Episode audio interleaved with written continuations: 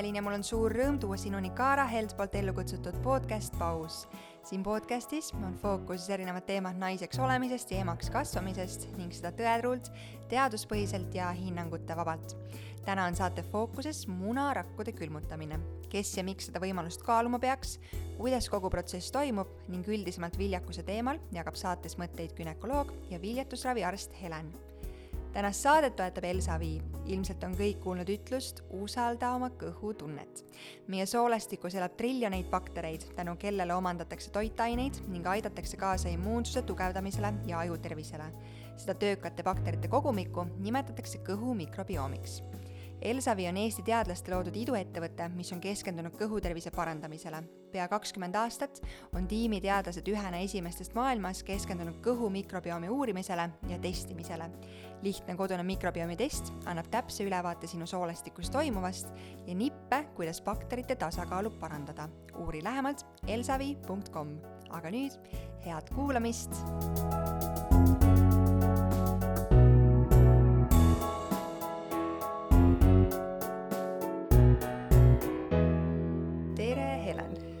tere! sa oled äh, gümnakoloog ja viljatusraviarst. Just. millest selline valik või kust, kust sa selleni jõudsid? Ehm, see soov hakata viljatusravi või günekoloogiaga tegeleda tekkis kuidagi sujuvalt arstiõpingute jooksul. et kuidagi see kehaväline viljastamine, selline viljatusravi, see tundus kuidagi selline tähenduslik teema, millega tegeleda. et kui sinu töö viljaks on laps, et saad kellelegi aidata nagu pere luua, siis see tundus äh, selline asi, mis, mida oleks tore teha ja mis nagu täidaks südant. see on nii huvitav meditsiinivaldkonna inimestega, et ähm, see, see õppeprotsess ja kõik on nii pikk ja, ja mul, mul on, ma alati nagu mõtlen, et justkui inimesed peavad juba, see kutsumus peab olema varem, et kelleks sa saad või kuhu sa täpsemalt spetsialiseerud. ja alati, kui ma räägin nendel teemadel, siis, siis seesama vastus, et kuskil õpingute jooksul tuli alles see, see huvi mingi kindla spetsialiseerumise vastu, see on põnev mm. -hmm. aga ähm, me räägime või meie fookuses võiks täna olla munarakkude külmutamine ja ma ei tea, kas äh, võib-olla ma peaks piinlikkust tundma, et ma liiga palju selle kohta ei tea, võib-olla on mingil määral vanus võib-olla sinna, kus ma nüüd hakkan kuulma sellest järjest rohkem, võib-olla räägitakse lihtsalt ühiskonnas kuidagi on see rohkem pilti tulnud, miks sellest räägitakse, miks me, miks me sellest peaksime rääkima ja miks see teema üldse oluline on mm? -hmm. et miks see võib-olla nagu kõlab nagu uudselt, et see tegelikult kehaväline viljastamine ise on äh, aastakümneid juba kasutuses äh, olev efektiivne viljatuse ravimeetod. Äh, munarakkude külmutamist viljakuse säilitamiseks on kasutatud ka juba üheksakümnendate lõpust, vilja-, siis võib-olla rohkem näiteks mingite vähihaigete patsientide viljakuse säilitamiseks ja siis tasapisi on see nagu jõudnud ka selleni, et äh, nii-öelda nagu sotsiaalsetel põhjustel oma viljakust äh,, viljakust säilitada, et siis näiteks naised, kes äh, soovivad rasedust lükata hilisemasse ikka, et näiteks sagedaseks probleem põhjuseks on see, et ei ole sobivat partnerit või tahetakse teha tööd, karjääri, mingid, mingid muud põhjused. Et see on siis ka nagu nendeni jõud-, jõudnud ja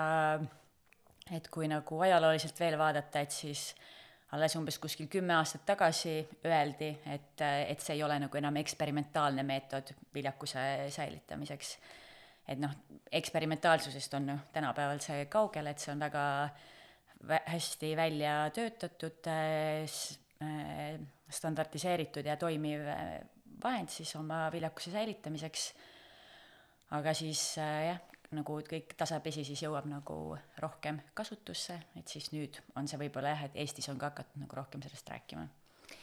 sinu täiesti subjektiivne hinnang, võib-olla sul on ka mingisugust äh, konkreetset statistikat tuua, aga kui palju on neid naisi, kes külmutavad oma munarakke äh, just nendel ähm, sotsiaalsetel põhjustel? just, ja kui palju on mhm. siis tervisest tulenevaid äh, otsuseid mm,? ma sain äh,, ma nagu kindlat arvu Eesti kohta ei oska öelda, et just noh, meie kliinikus, kus mina töötan, siis Next Fertility kliinikus, just noh, see, selle aasta esimeste kuudega on kakskümmend uut naist käinud oma munarakke külmutamas või sinnakanti. ja siis mõned neid, noh, mitmed neist ikkagist on, teevad ka korduvaid protseduure. et siis, ja see arv on kindlasti, me oleme aktiivsemalt tegelenud sellega kaks aastat, et siis see arv on nagu väga kiiresti kasvav sa tõid vähihaiged välja, millised on veel mingisugused äh, mured, probleemid, mis puhul see on aktuaalne?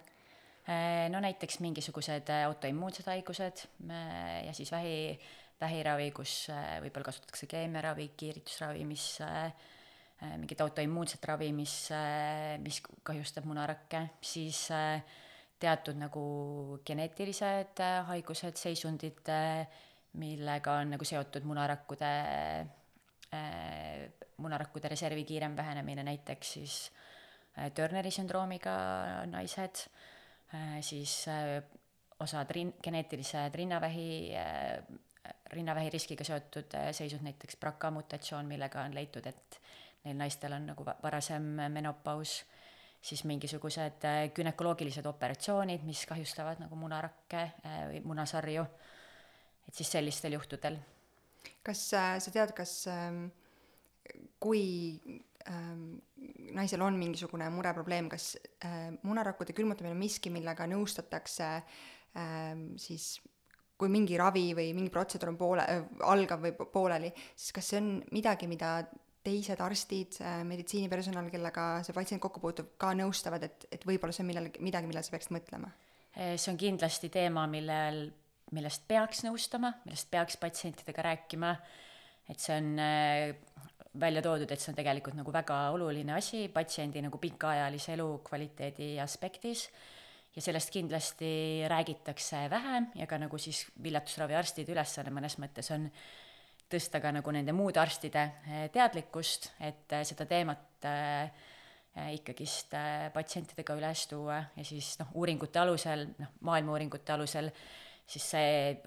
osa patsientidest, kellega tegelikult sellest räägitakse, on null kuni kaheksakümmend. Et see on kindlasti nii, et mingi, mingite erialade spetsialistid äh, võib-olla suunavad patsiente, mõned nagu vähem,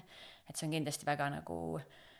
siis sõltub selle konkreetse arsti nagu teadlikkusest, aga jah, et siis erinevad äh, onkoloogid, gümnakoloogid äh,, mis iganes siis eriala siis tegeleb siis konkreetselt sellise äh, selle põhihaigusraviga, siis peaks tegelikult äh, suunama patsiendi äh, Äh, patsiendi soovil siis viljatusravi spetsialisti juurde. ehk potentsiaalselt ikkagi need naised, kellel äh, on mingi tervisemure, äh, nemad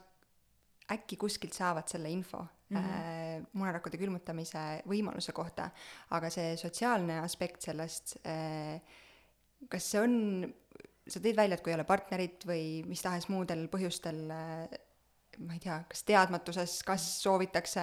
lapsi ja nii edasi, et kas see on miski, mis peaks igal ähm, noorel naisel peas kuklas tiksuma, et äh,,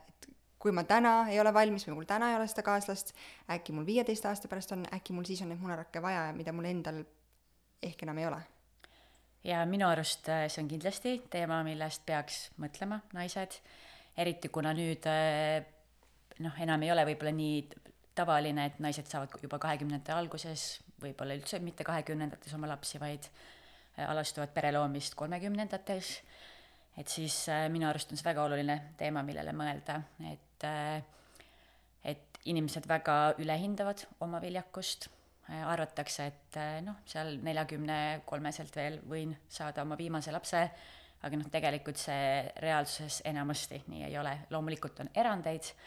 aga seal juba kolmekümne viiest, kolmekümne viiendast eluaastast alates, ka varastes kolmekümnendates võib tegelikult äh, olla probleeme ja me näeme ka, et äh, mõnel, kes soovib tulla näiteks kolmekümne viie aastaselt oma munarakke külmutama, on tegelikult reserv juba väga-väga väike, et siis äh,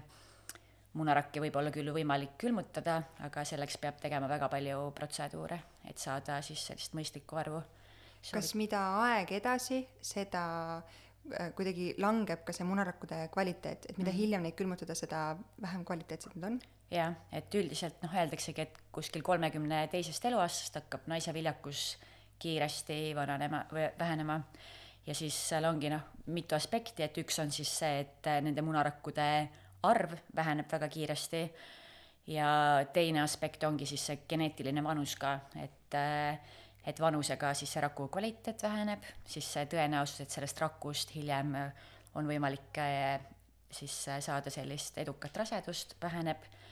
ja siis ka näiteks geneetiliste haiguste risk vanusega tõuseb, et jah, siis seal on nagu mit-, mitmeid aspekte mis siis, millisest vanusest me räägime sellise ideaalse nii-öelda patsiendi puhul, et mm -hmm. mis vanuses seda protseduuri peaks teostama? Et sellised ideaalsed kandidaadid võiksid olla seal kuskil kolmkümmend kuni kolmkümmend viis, kolmkümmend seitse. Äh, loomulikult äh, teatud juhtude puhul äh, nagu nooremad naised, kui on näiteks teada, et noh, näiteks enda emal on olnud varane menopaus või siis kui ongi näiteks mingi geneetiline seisund, mille puhul on teada, et võib tekkida varasem menopaus, ja siis noh, teatud juhtudel ka, kui naisel on nagu väga hea munasarja reserv, siis seda võib ka teha nagu hilisemas eas, mõned teevad ka seal neljakümnendate alguses, aga noh, siis peab arvestama, et et lihtsalt need rakud on juba vanemad, et siis see ikkagist eduka raseduse tõenäosus juba üle selle vanuse nagu väheneb. aga jah, seal kolmekümnendates eh, on lihtsalt leitud eh, seda, et eh, kui naised kolmekümnendates külmutavad oma munarakke, siis on ka nagu suurem tõenäosus, et nad neid rakke kunagi kasutavad, et kui väga vara kahekümnendates külmutada, siis elu võib-olla muutub, võib-olla sa saad ise kiiresti juba oma lapsed ära, et võib-olla neid rakke ei olegi nii väga vaja. kui külmutada kolmekümne kuni kolmekümne seitsme aasta vanuses, siis vähemalt kümme munarakku, siis äh, nendest rakkudest eduka ehk siis lapse sünniga lõppeva raseduse tõenäosus on viiskümmend kuni seitsekümmend protsenti, et päris kõrge. et see tähendab, et noh, mõni ei saa nendest, mõnel ikkagist ei sünni nendest last, aga mõnil, mõnel võib sündida ka mitu, mitu last sa tõid välja selle, et tihti ülehinnatakse oma viljakust ja kõiki, kõike seda juttu sul kuulates praegu, siis mul on tunne, et, et väga paljude nende teemade puhul üldse ei teata, et on mingi mure, kuni see mure on käes ja siis on justkui liiga hilja juba mm. -hmm. kas ähm,, mis selle eelduseks on, et võimalikult palju seda teavet oleks, on see emade ja vanaemadega piisava lähedase sideme hoidmine ja rääkimine nendest teemadest, on see ikkagi iga-aastane naistearsti visiit, mis annab seda infot naisele? no see kõik võiks alata kooliharidusest juba ja eks neid muutuseid üritataksegi tehta, et koolides juba räägitakse viljakusest rohkem. ma arvan, et meie enda emad-vanaemad võib-olla, nemad ei ole ka selle teemaga nii väga kursis, nemad ka ei ole sellist õpetust saanud, et võib-olla äh, nemad ka ei oska nii hästi sind nagu õpetada, siis ka naistearstide seas äh, munarakkude külmutamisega seotud teemad ei, ei pruugi, kõik ei pruugi tegelikult sellest äh, niivõrd teadlikud nagu olla ja osata naisi äh, suunata, mis äh, noh, hea viis ongi noh, sellised podcast'id, mis äh, panevad inimesi rohkem sel teemal mõtlema ja siis no näiteks kui ma ka oma sõbrannadega arutan näiteks selliseid teemasid, siis kõik on alati väga nagu üllatunud, et issand, et miks keegi pole mulle varem nagu sellist asja rääkinud, et miks, kuidas ma alles sinu käest kuulen seda. ja siis äh, võib-olla hea mõte ongi see, et kui sa kahtled, kui sa ei tea, milline sinu nagu viljakus, palju, milline sinu munasarja reserv praegusel hetkel on äh,, ja kas selline munasa-, munarakkude külmutamine võiks sinu jaoks praegu õige olla, siis võikski pöörduda siis näiteks viljatusravispetsialisti juurde, kes oskab sulle öelda, milline su munasarja reserv, reserv on ja saab anda sulle sellise nagu suuna kätte, et kui kiiresti sa peaksid äh, selliseid otsuseid langetama. Aga see vist ei välista seda, et ei, äh, regulaarne kontroll äh, naistearsti juures on ka vajalik vist kõikidel naistel nojah, siis selle viljatusravi spetsialisti juures ka sa saad samal, samal ajal oma selle regulaarse kontrolli tehtud mm, -hmm. aga selle regulaarse tavalise kontrolli puhul üldiselt sellist äh,, kui sa ei ole nagu harjunud sellise pilguga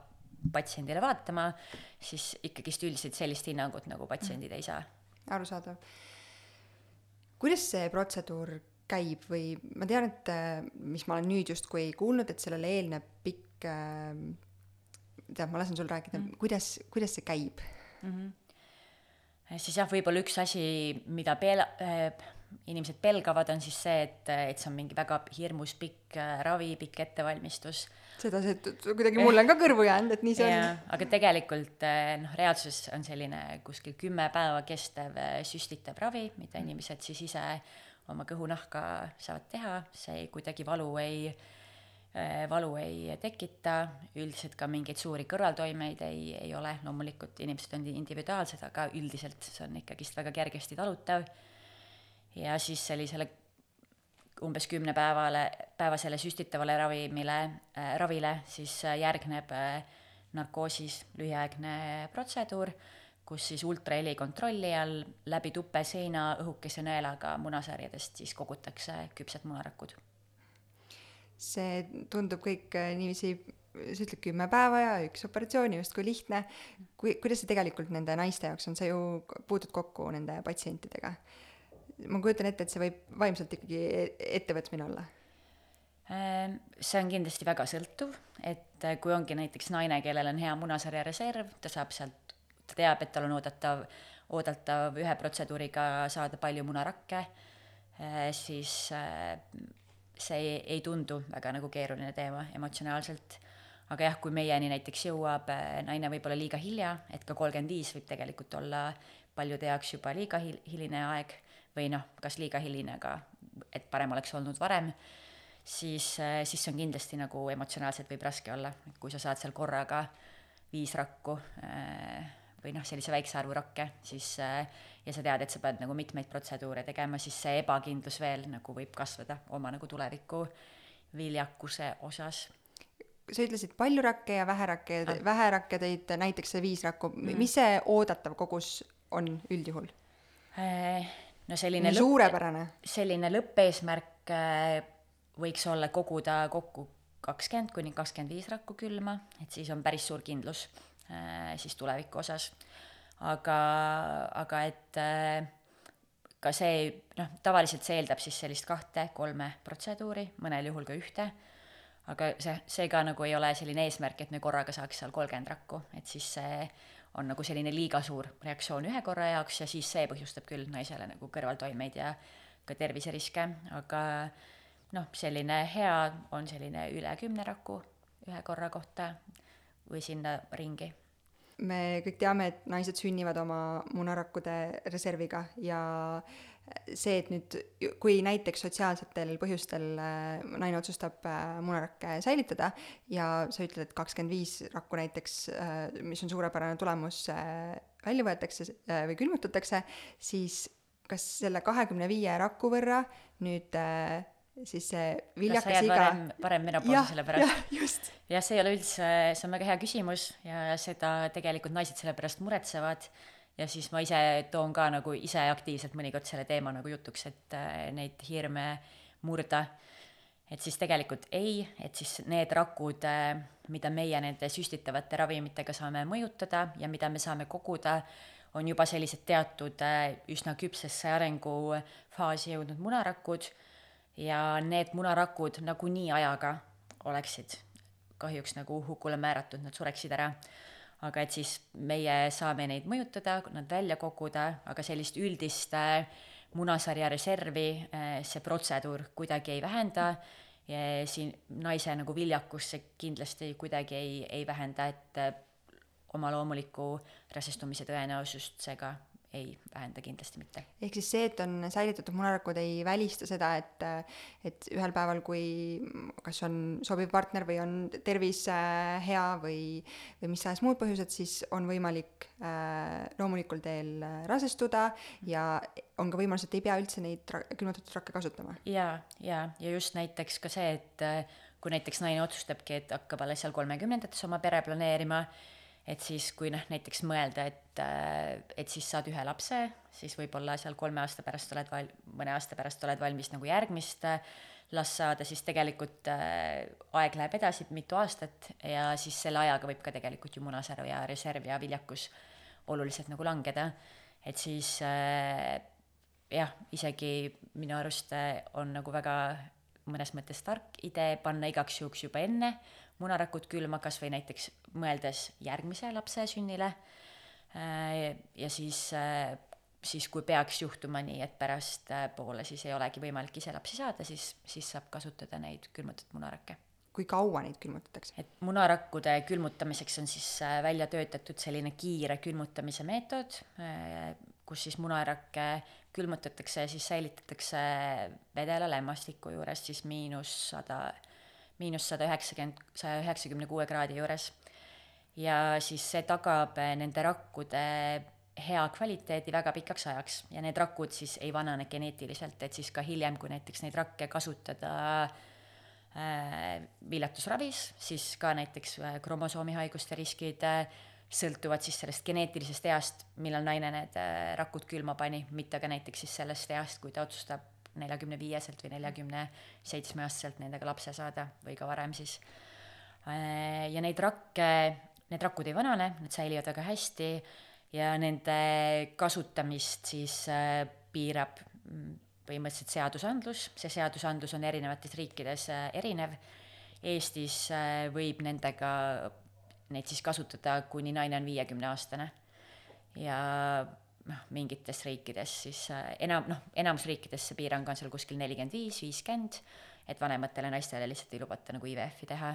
Lätis on näiteks viiskümmend viis, aga jah,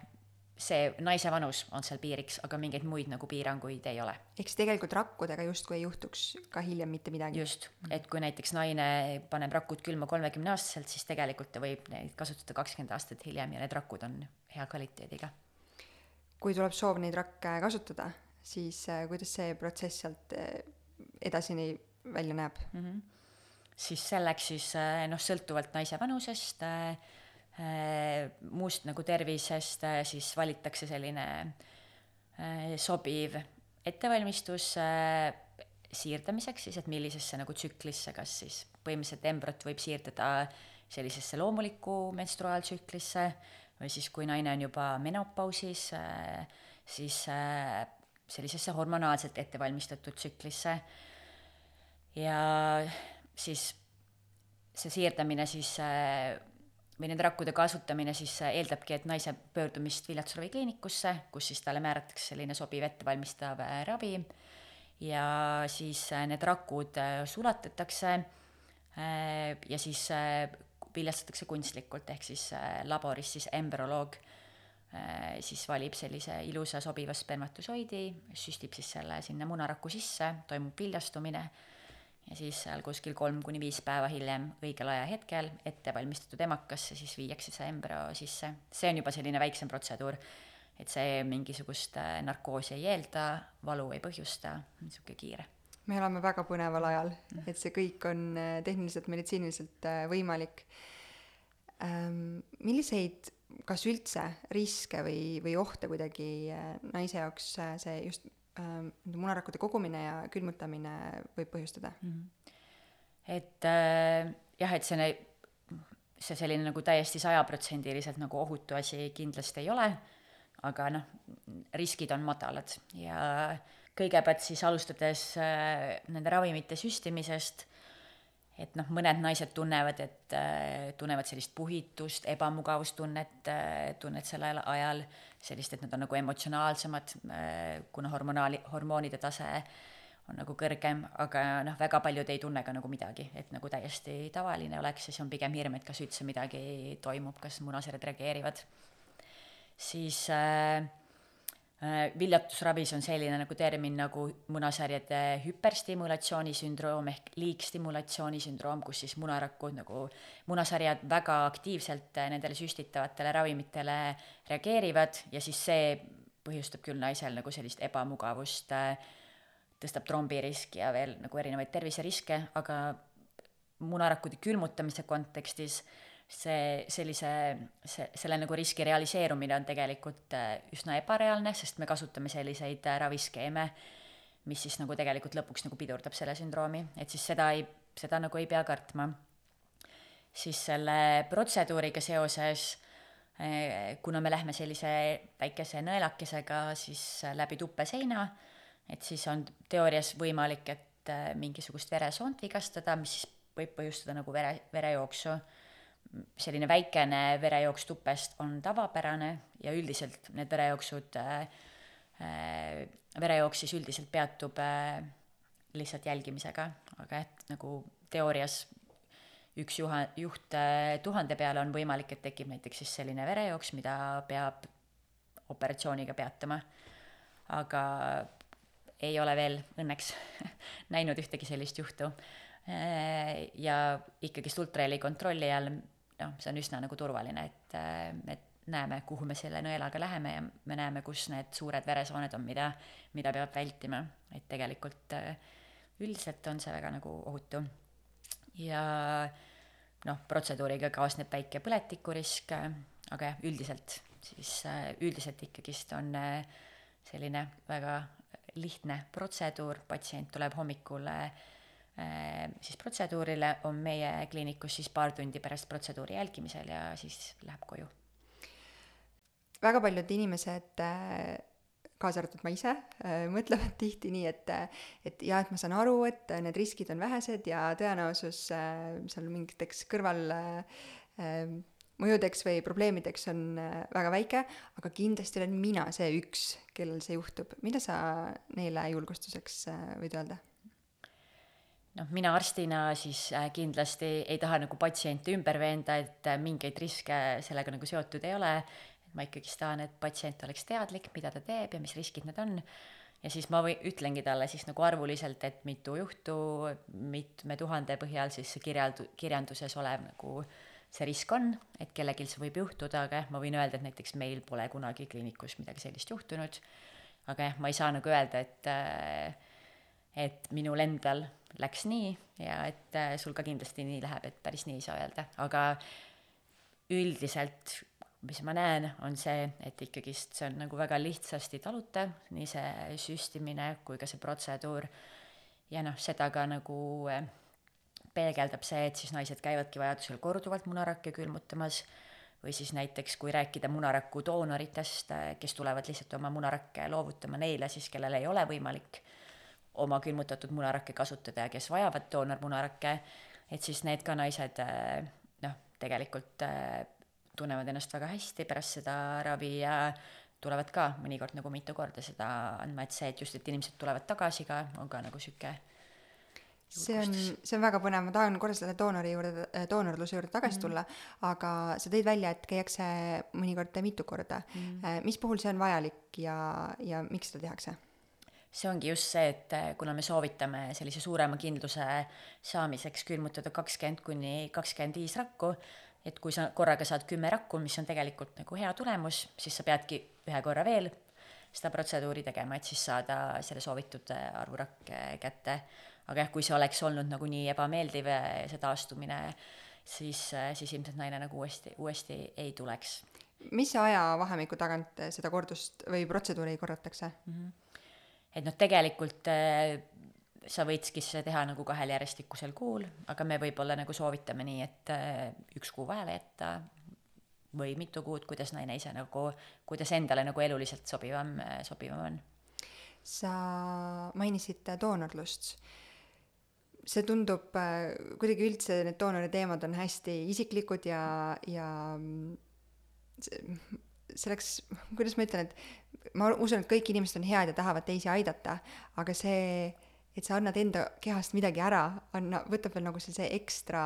kutsumuse või, või mõtteviisi inimestel.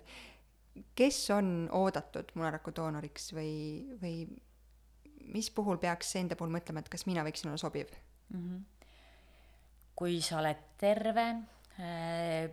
ilma mingisuguste geneetiliste haigusteta, ilma selliste raskemate krooniliste haigusteta, äh, kahekümne kuni kolmekümne kahe aastane naine et siis, ja sa soovid seda teha, et soovid kedagi aidata, siis, äh, siis sa oled oodatud nagu pöörduma meie poole, siis loomulikult meie viime läbi sellise põhjaliku terviseuuringu, et kas sa ikkagist oled nagu sobiv, et eh, noh, meil on mingid teatud kriteeriumid, mis puhul me ei saa näiteks võtta naisi doonoriteks ja siis, siis, siis me viime ka nendel naistel läbi sellised Äh, geneetiliste uuringute paneelid, äh, et nad ei oleks mingite äh, haiguste kandjad ja noh, et siis see annab ka tegelikult sellele naisele mõnes mõttes äh, saab päris palju infot oma nagu tervise, tervise nagu tausta, tausta kohta. ja osad äh, toovad välja, et noh, neil on näiteks mingi isiklik kogemus, et äh, nad teavad, et nende tuttavad või pereliikmetel kellelgi on olnud nagu raskuseid ja siis soovivad aidata. soovivad sellepärast näiteks aidata, et jah. on, on vajadus Eestis doonorite järgi suurem? Doonorite, doonormunarakkude kasutamine ilmselt ei ole kellelgi selline esma, esmavalik, et kõik ikkagist ju tahaks saada, kõik on nagu, et enamus inimesi tahaksid äh, ilmselt saada oma nagu bioloogilisi, bioloogilisi lapsi, aga jah, et äh, nagu ma ütlesin, et siis seal kuskil juba alates kolmekümne viiendast äh, eluaastast noh, me näeme, et või mõnel ka isegi juba varasemas eas me näeme, et oma munasarjade reserv on nii väike, et et ei ole võimalik enam ise bioloogilisi lapsi saada või see tõenäosus nagu väga väike. Ja siis äh, sellisel juhul, kui näiteks need naised ei ole varasemalt oma munarakke külma pannud, siis ongi ainus võimalik nagu võimalus ise lapse sünnitamiseks on siis nende doonormunarakkude kasutamine. ja noh, reaalsuses me näeme, et noh, selle alates neljakümne viiendast eluaastast juba noh, tegelikult praktiliselt enamus naisi vajavad äh, doonormunarakke või siis neid oma külmutatud munarakke äh, viljatusraviks. Me oleme saadetes rääkinud äh, erinevatel teemadel sellest, kui oluline on tervislik eluviis, liikumine, tervislik toitumine, hea uni ja, ja muu sinna juurde käiv. kui oluline see viljakuse aspektist on? tervislikud eluviisid on ikka väga olulised et äh, selline noh, kas või näiteks kõik lihtsam välja tuua, et ülekaal mõjutab väga oluliselt nagu viljakust, alakaal mõjutab oluliselt viljakust äh,,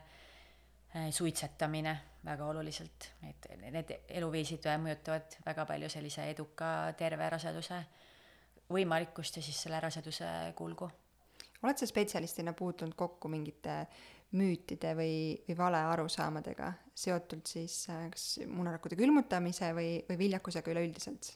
Äh, võib-olla nagu mingid müüdid on äh, siis see, et kui sa endale neid hormonaalseid ravimeid süstid,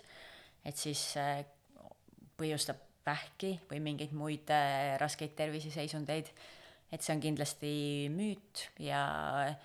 ja et võib-olla mingid ebamugavused või mingid riskid, mis selle protseduuriga kaasnevad, on nagu sellised ajutised, aga et mingit pikaajalist äh, negatiivset tervisemõju need põhjustaks, et see on müüt. siis võib-olla nagu inimesed pelgavad üldse, et kas see kehavälise viljatuse, vil-, kehavälise viljastamise teel sündinud laps on terve, kas see lap-, lapsel on rohkem mingeid geneetilisi äh, defekte või nagu mingeid kaasasündinud väärarenguid, et see on ka müüt, et tegelikult äh, tegelikult ei ole, need lapsed on äh, terved ja neil ei ole kuidagi leitud, et oleks rohkem mingeid väärarenguid. Ja noh, vastupidi, et näiteks kui naine kolmekümnendate alguses külmutab oma munarakut, siis ta tegelikult äh, hiljem nende kasutamisega justkui nagu vähendab oma nende geneetiliste haiguste tekkeriski versus see, et ta kasutab oma neljakümne aastase, neljakümne aastaseid munarakke kui sage üldse on see olukord, kus võib-olla naine ongi jõudnud sellisesse ikka, kus munarakkude kvaliteet äkki enam ei ole nii, nii hea ja nende väärarengute risk äh, sündival lapsel on suurem, äh, et siis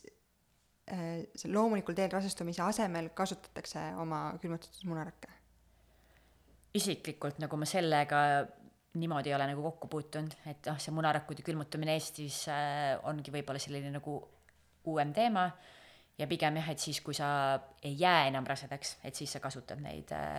kasutad neid äh, munarakke, aga jah, kuna näiteks on teada, et seal noh, pärast neljakümnendaid aastaid äh, sul võib rasedus tekkida, aga on päris suur risk, et võib olla näiteks Downi sündroom, mõni muu sündroom, et siis jah, nagu teoorias, kui sul on palju rakke külmas, siis loomulikult äh, sa võid nagu seda, neid rakke kasutada, aga isiklikult ma ei ole sellega veel nagu kokku puutunud, sest lihtsalt äh, seda munarakkude külmutamist ei ole veel nagu nii kaua. aga teemapüstitusena me räägime siin kümne, viieteist, kahekümne aasta pärast, see on ju nagu yeah. potentsiaalselt võimalus yeah. seda selliselt teha. jah yeah,, kindlasti, kindlasti on. ja üks müüt, äh, mida ma veel äh, võiks välja tuua, on ka see, et äh, inimesed võib-olla kuidagi see teema tundub hästi kauge või selline nagu müstiline või selline, et see ei ole kõigile kättesaadav et mis me kuskilt ajakirjadest loeme, et äh, mingid USA filmitähed või kuulsused külmutavad oma munarakke või siis sellised suured firmad nagu Facebook äh, ja Google maksavad või noh, siis finantseerivad oma töötajate siis munarakkude külmutamist, et see tundubki niisugune kauge asi, mida kuskil kaugel tehakse, aga noh, tegelikult äh, see ei ole nagu nii kallis või nagu kättesaamatu asi, mida tegelikult kõik nagu tavainimene on veider väljend, aga no mida me kõik ei võiks nagu endale, enda, ei või, võiks kaaluda. kui keegi äh, mõni naine, kes tänast saadet kuulab ja, ja mõtleb, et äh, võib-olla see võiks äh, tema jaoks aktuaalne variant olla mis tahes põhjusel äh,, kuhu pöörduda, millal pöörduda, kui palju peab ise ennast kuidagi ette valmistama selleks enne, mida teadma peab mm? -hmm et kuskilt ma kuulsin sellist mõtet, et, et millal on see õige hetk munarakki külmutada, ongi, et siis, kui see, sul see mõte tuleb et ilmselt, kui sul see mõte tuleb, siis sa võib-olla oledki tegelikult sellises kohas, et et see võiks sinu jaoks nagu aktuaalne olla. ja selleks siis võikski pöörduda mõnda viljatusraviga tegeva, tegelevasse asutusse, kus siis, siis spetsialist saab sind nagu nõustada ja nagu hinnata su viljakust ja siis anda sulle soovitused näiteks siis Next Fertility Nordic kliinikusse, kus ka mina töötan. kui palju peab enda ähm, ma ei tea,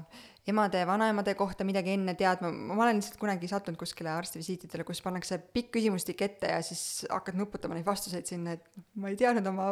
vanaema kõikisuguse tervisemuresid ja probleeme, et mm -hmm. on see takistus, kui sa ei tea kõike või mida üldse peab teadma? Ei, see kindlasti ei ole nagu takistus, et loomulikult, kui sa midagi tead, siis see on nagu hea,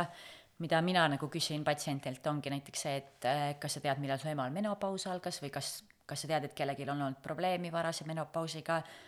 või siis äh, seda, et noh, kui keegi tuleb viljatusravi aspektis, siis äh, küsin, et noh, et kas sa tead, et perekonnas on probleeme olnud äh, viljatusega, aga noh, rohkem sellist süvaperekonna analüüsi ma ei tee. Ja ise sellepärast kindlasti ei pea muretsema, et midagi ei tea, et siis see ongi meie nagu ülesanne, et meie nagu siis seletame ja viime kurssi. teine teema, aga sa tõid äh, ennist välja selle, et kogu äh, äh, selline teadmiste pagasi loomine algab kooliharidusest ja et selles on äh, viljakuse teemal puudujääke, mida saaks, asju, mida saaks parandada äh, ma usun, et äh, ma tean, et pausi kuulajate seas on neid, kellel lapsed on võib-olla selles vanuses ja peab ise ka äh, teadmisi edasi andma. mis sa ise näed, millised on need äh, põhiteemad, mida peaks oma tütardele nende viljakuse või üleüldse tervisega seonduvalt edasi andma, info mm? -hmm. et jah, et võib-olla me, kui meie käisime koolis, et siis põhirõhk oli sellele raseduse vältimisel et nüüd on tehtud selline viljatuse õpik ja,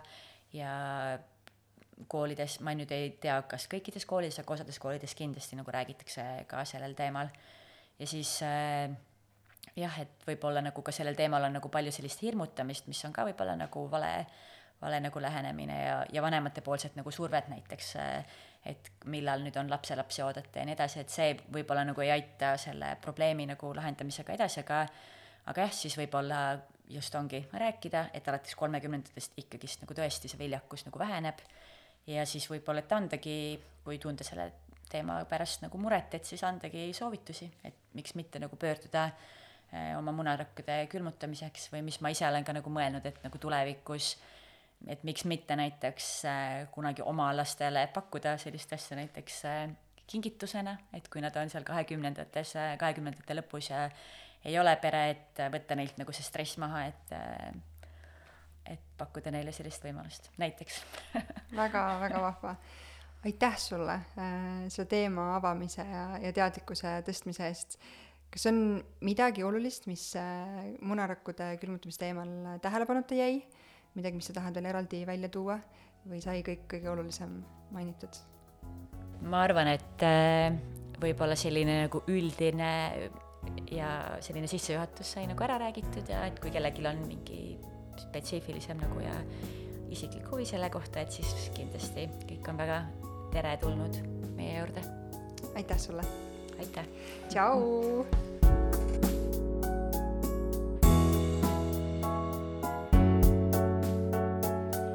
saate toob sinuni Kaara, naiste tervise ja heaolu edendaja rasedus- ning emadusperioodil.